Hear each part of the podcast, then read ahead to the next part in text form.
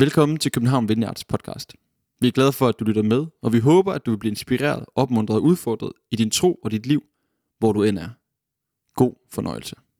Dejligt at se jer. Jeg hedder Emil, og jeg er en af præsterne her i kirken. Ah, jeg kan se, at folk har været ude for frisk luft. Dejligt. I dag der kommer jeg til at øh, tale over den meget opmuntrende titel, Vil I også gå jeres vej?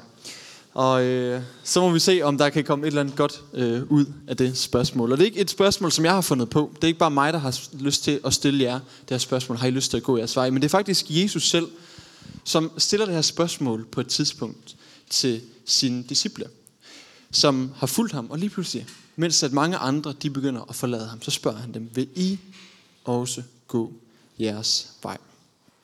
Lidt mere specifikt, så kommer det her til at handle noget omkring, at Jesus, han har ikke bare lyst til at kilde vores ører. Han har ikke lyst til bare at sige noget, der lyder flot. Han har ikke lyst til, at vi bare siger, ja, det lyder da egentlig meget fint. Men Jesus, han, ligesom med disciplen, han appellerede til, at de skulle tage stilling. Og sådan tror jeg faktisk også i dag, at Jesus ønsker at appellere til, at vi tager stilling til, hvem han er. Og noget af det, som jeg kommer til at komme omkring i dag, det er, at der er en afgørende forskel på resonans og lydighed. Og jeg vil bare lige hurtigt lige sige, hvad jeg mener med de to øh, forskellige ord, så vi er med på den. Resonans er sådan et musikord, det kan også måske oversættes med genklang, at der er et eller andet, man hører, som ligesom skaber et eller andet inde i mig. Det giver mening. Det lyder godt. Jeg kan lide ideen om det der. Det kan være en eller anden form for resonans. Det der, det lyder egentlig meget godt. Og lydighed, derimod, er ikke det samme som resonans at være enig med noget, eller synes, det lyder godt. Og når jeg så i dag taler om lydighed, så tænker jeg ikke sådan nødvendigvis sådan en religiøs fanatisme, øh, gør et eller andet helt vildt, gør dig fortjent til et eller andet. Jeg tænker egentlig mere på lydighed som rent faktisk at tage stilling, rent faktisk tage det ind, som Jesus han siger. Inden vores gudstjenester, så mødes vi altid, øh, alle os der er frivillige, og så beder vi for gudstjenesten. Og i dag, så var der en, der fik et billede, som jeg faktisk lige har lyst til at dele øh, her fra start. Og personen så for sig en person, som knælede ned og overgav sig til Gud. Og måske det faktisk er nogen af os her i dag, som på en eller anden måde har brug for at overgive et eller andet i vores liv til Gud. Måske endda hele vores liv. Bare tur til Jesus, du må faktisk godt være herre i mit liv. Og Jesus, han vil simpelthen så gerne, at vi tager stilling til ham. Og ikke for at tvinge os til andet, men fordi han ønsker at give os så meget. Vi skal jo sammen omkring en tekst fra Johannes evangeliet, kapitel 6. Og før jeg sådan kommer til at læse selve stykket, som kommer i slutningen af kapitlet, øh, og det er et ret langt kapitel, som har øh, helt op omkring de 70 vers, så har jeg lyst til faktisk lige at sætte konteksten, for at det giver mening, det som Jesus han taler, og øh, det som han siger der i slutningen af Johannes evangelie kapitel 6. Så jeg vil starte fra begyndelsen af det kapitel, og ligesom lige gå igennem øh, det mere, så vi ligesom lige er med på, hvad er det egentlig lige der på spil, når Jesus han henvender sig til sine disciple med det her spørgsmål. Vil I også gå jeres vej?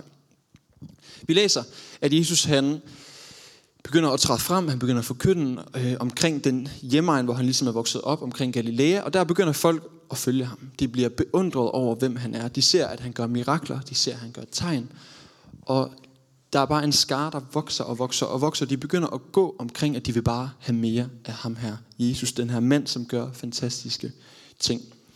Og når så mange mennesker, de begynder at følge i følger med, så kan der også indimellem opstå logistikproblemer. Og det gør der også på et tidspunkt, hvor Jesus han taler, og der er 5.000 mand, og det er måske endda derudover kvinder og børn, som er samlet og lytter på en af Jesu, øh, Jesu taler. De bliver sultne, der er ikke nok mad, og Jesus han tager øh, fem brød og to fisk, eller er det omvendt, jeg kan aldrig huske det. I hvert fald meget lidt, som bliver til rigtig meget, nemlig mad til alle. Og de er helt blæst bagover af, hvad det er, Jesus han gør. Og den her folkeskar her, de vil gøre Jesus til konge. Ham her, han kunne da være den bedste konge. De vil have ham som en politisk figur her. Men Jesus i stedet for, han trækker sig tilbage. Han går atter op på bjerget og beder. Vi ser, at Jesus han ikke følger deres agenda. Vi ser, at han ikke bare opfylder de behov, som de lige tænker, de har. Han lader dem ikke bare bruge ham selv til det, som de vil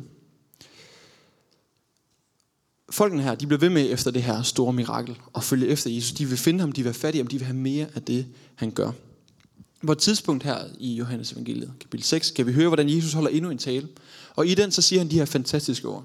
Den, der kommer til mig, vil jeg aldrig vise bort. Virkelig et stærkt løfte. Tænk ikke nok med, at han gør mirakler og giver mad. Han siger, hos mig er I altid inkluderet. Her må I altid være med. Et helt vildt stærkt løfte. Men samtidig i den her tale, så siger Jesus nogle ord, som virkelig støder folk. Som får dem til at tænke, hvad i alverden er det, der foregår. Og han siger de her ord, de kommer også op på skærmen. Jesus sagde til dem, Sandelig, sandelig, siger jeg jer. Hvis ikke I spiser menneskesøndens kød og drikker hans blod, har I ikke liv i jer. Den, der spiser mit kød og drikker mit blod, har evigt liv, og jeg skal oprejse ham på den yderste dag. Så det går ligesom meget godt, ikke? Altså han laver mirakler og holder flotte taler, og alle må være med her, og så siger han pludselig de her vildt mærkelige ord, som jeg tror ikke, de har hørt dem før. At han, han siger det her, I skal spise mit kød, og I skal drikke mit blod. Jøderne, som lyttede på det her, de kom fuldstændig oprør. De var ud af den. Hvad i alverden er det, han siger? Hvad er det for noget vrøvl, han fyrer af? Jeg tror, sådan af mange grunde, de tænker, at det var noget vrøvl. Både fordi, at det er nærmest kun en Gud, der kan komme med sådan et statement og sige, at han kan, ved at vi kan tage ham ind, at vi kan få liv på den måde. Og samtidig så lyder det også bare sådan på overfladen rimelig mærkeligt, synes jeg, at spise kød og drikke blod. Det lyder egentlig ikke så rart. Og øhm, øh, faktisk, jeg synes det er lidt sjovt, den tidlige kirke, sådan, da de begyndte at, at samles, så var de sådan en lille bitte gruppering, og sådan lidt nogle udskud, og der var mange, der ikke kunne lide dem. Så sådan for at mobbe de kristne, så var der mange, der kaldte dem kannibaler, fordi når de havde nadver, så spiste de Jesus og, øh, og drak blodet. Så det var ligesom sådan et lille øh, måde at drille de nye kristne på, og kalde dem kannibaler. Så det er nogle specielle ting faktisk, Jesus siger her. Og det her, det gør, at mange, de tænker, det der det er for meget. Det kan det ikke passe. Og så begynder de at forlade ham. Og så kommer vi til den tekst, som vi lidt mere specifikt skal gå i dybden med. Og det kommer fra vers 60. Mange af hans disciple, som hørte det, sagde nu, det er hård tale. Hvem kan holde ud at høre på det? Men Jesus vidste ved sig selv, at hans disciple skumlede over dette, og sagde til dem, forarver det jer? Hvad så, hvis I ser menneskesønnen stige derop, hvor han var før? Det er ånden, som gør levende. Kødet gør ingen gavn. De ord, jeg har talt til jer, er ånd og liv. Men der er nogle af jer, som ikke tror. For Jesus vidste fra begyndelsen, hvem det var, der ikke troede, og hvem det var, der skulle forråde ham. Og han sagde, det var derfor, jeg sagde til jer, at ingen kan komme til mig, hvis ikke det er givet ham af faderen. Efter dette var der mange af hans disciple, der forlod ham, og de fuldtes ikke mere med ham. Jesus spurgte da de tolv, vil I også gå jeres vej? Simon Peter svarede ham, Herre, hvem skal vi gå til? Du har det evige livs ord, og vi tror, og vi ved, at du er Guds hellige. Vi ser her, at mange de begynder at forlade Jesus. De bliver stødt over de her ord, han har sagt til dem. Og i stedet for, at Jesus han sådan begynder at undskylde, i stedet for, at han sådan lige pleaser dem lidt og siger, ej, øh, undskyld, kom jeg til at træde nogen over tæerne, og kunne I ikke lide det, jeg sagde? Øh, kan, jeg, kan jeg gøre om på det her på nogen måde? Det, det begynder han ikke på at sige. Men i stedet for, så stiller han dem bare et spørgsmål. Og siger, forarver det jer? Bliv forarvet over det, jeg siger. Og han lægger endda endnu mere tryk på derefter. Og så til sidst, da alle de disciple, han havde fået dem, som var begyndt at følge ham, når der blev brugt over disciple, så nok fordi de sådan ret meget har fulgt ham, ikke bare lige et par dage måske. Så står de 12 tilbage, og så siger han til dem, vil I også gå jeres vej? Og Peter, han svarer, Herre, hvem skal vi gå til? Du har det levende Guds ord. Peter han erklærer Jesus, vi er nødt til at blive her. Vi har ikke andre steder at gå hen. Og det her svar, som Peter kommer med, det skal vi lige vende tilbage til lidt senere i talen. Og før vi kommer dertil igen, så har jeg lyst til at snakke lidt om den her folkeskare og den tro, de har haft. Fordi hvad er det, der gør, at de så hurtigt bliver begejstrede, og samtidig så hurtigt vender Jesus ryggen og går deres vej? Hvad er det for en slags tro, den her folkeskare egentlig har haft? Hvad har karakteriseret den? Og jeg tror, noget af det, som de gerne vil have, det var mirakler. De var helt vilde med de her mirakler, Jesus han gjorde. De var vilde med, at Gud han kunne gribe ind. De var ja, de ønskede godt helbred. De ville have, at Jesus han ligesom skulle kunne gøre godt i deres liv her nu. Øh, håbet om, må det være mig, der er den næste. Og det her ønske om godt helbred, det her ønske om mirakler og helbred, så det, det er godt, jeg tror, det er meget øh, naturligt menneske, at det er et ønske, jeg selv har til Jesus. Øhm, jeg selv øh, lige, hvad hedder det, øh, for ikke så længe siden fødselsdag, og øh, min familie, de har godt fundet ud af, at mit kærlighedssprog til fødselsdag, det er at få bøger. Så selvom at jeg den her gang ikke havde sat nogen bøger på listen, så fik jeg alligevel bøger. Og det farlige ved ikke, har jeg så fundet ud af, at tage bøger på sin ønskeseddel, det er, så får man måske bøger, som man ikke har tænkt sig at læse. Øhm, så jeg fik en bog den her gang om anti-aging. Øh, så sådan, øh, hvordan man undgår at blive forældet og gammel. Øh, og jeg tænkte, jeg bliver 29, øh, det er lidt tidligt, synes jeg, at få sådan en, øh, en bog i hvert fald. Jeg siger ikke, hvad titlen hedder, øh, fordi så har jeg kritiseret den lidt for meget. Så spændende synes jeg ikke, den er. Men i hvert fald, der er en eller anden længsel i os, og det handler den her bog om, en længsel efter at få godt helbred, en længsel efter at kunne på den her side af evigheden få godt helbred og få måske endda evigt liv på den her side af døden. Det er det, som den bog handler om. Og det tror jeg også, de her mennesker, de vil have. Det kunne de da godt lige bruge Jesus til. Nu så de jo, at han kunne gøre alle mulige ting. Gør også lige det for mig. Så ser vi, at Jesus han laver mad til de her mange mennesker. Han mætter deres helt almindelige, timelige behov. Han giver dem noget materielt. Og Jesus selv, han minder endda folkeskarne om i den henseende. Han siger til dem, I er optaget af det timelige, I er optaget af det her og nu. Men husk på det evige. Der er noget mere end det her og nu. Samtidig ser vi den her folkeskar, de har Jesus som konge. De gør ham til en politisk figur. Og hvem vil ikke gerne have en god mand til at lede et land? Hvem vil ikke gerne have retfærdighed? Hvem vil ikke gerne have en, som vi virkelig kan stole på? Det er egentlig et godt ønske, tænker jeg.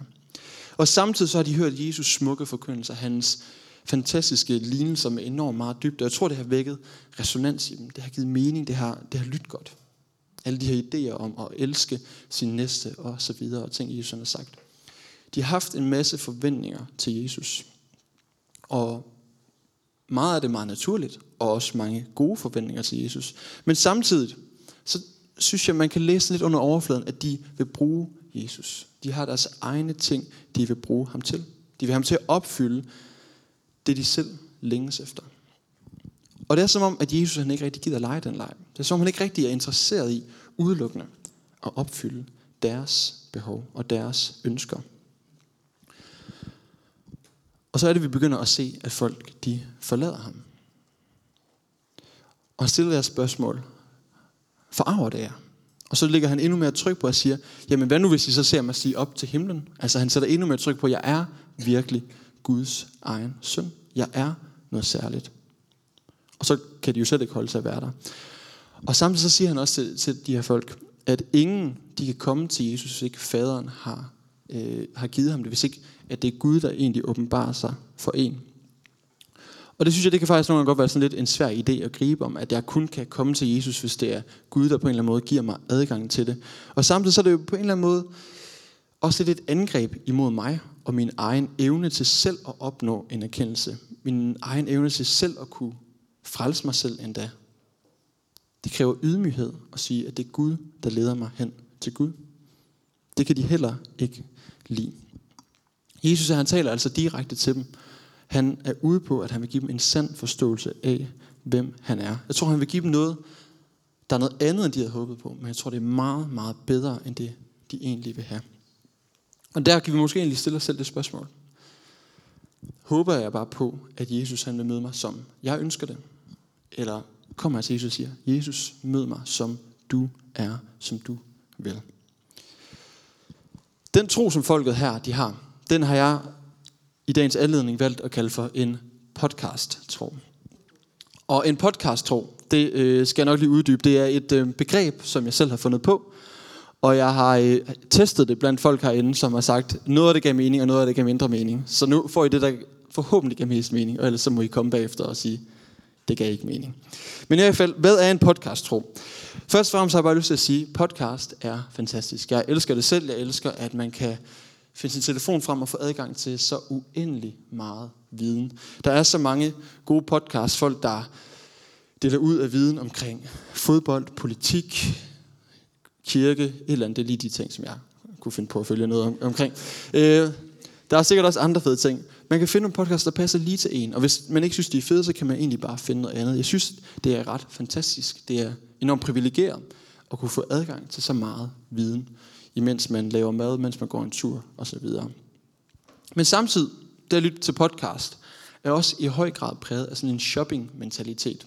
Jeg kan finde den, der passer lige til mig. Jeg kan vælge, jeg kan vrage, hvad passer mig, hvad giver resonans hos mig.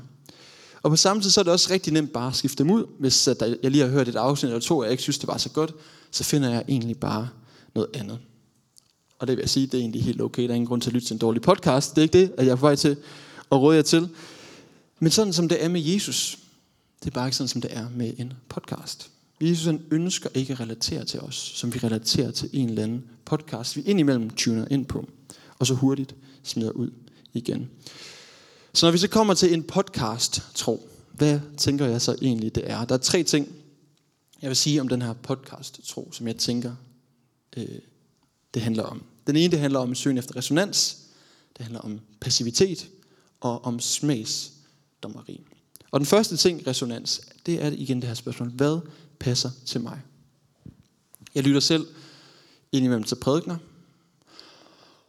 Og så kan jeg hurtigt lytte. Jeg lyttede for eksempel for nylig til en om, øh, om sabbat. Så lyttede jeg til en omkring noget med bøn. Jeg har også før lyttet til en om tilgivelse. Og så kan jeg hurtigt tænke, det var da en fed idé.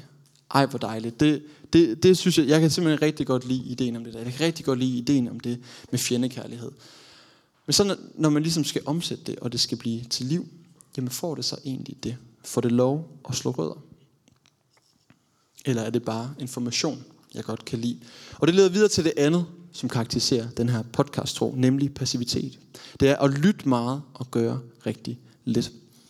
Jeg har en fætter, som øh, på et tidspunkt var ude og tale til en sådan lidt ældre øh, menighed, og så sagde han til dem, øh, I skal ikke bare være en røv med store ører.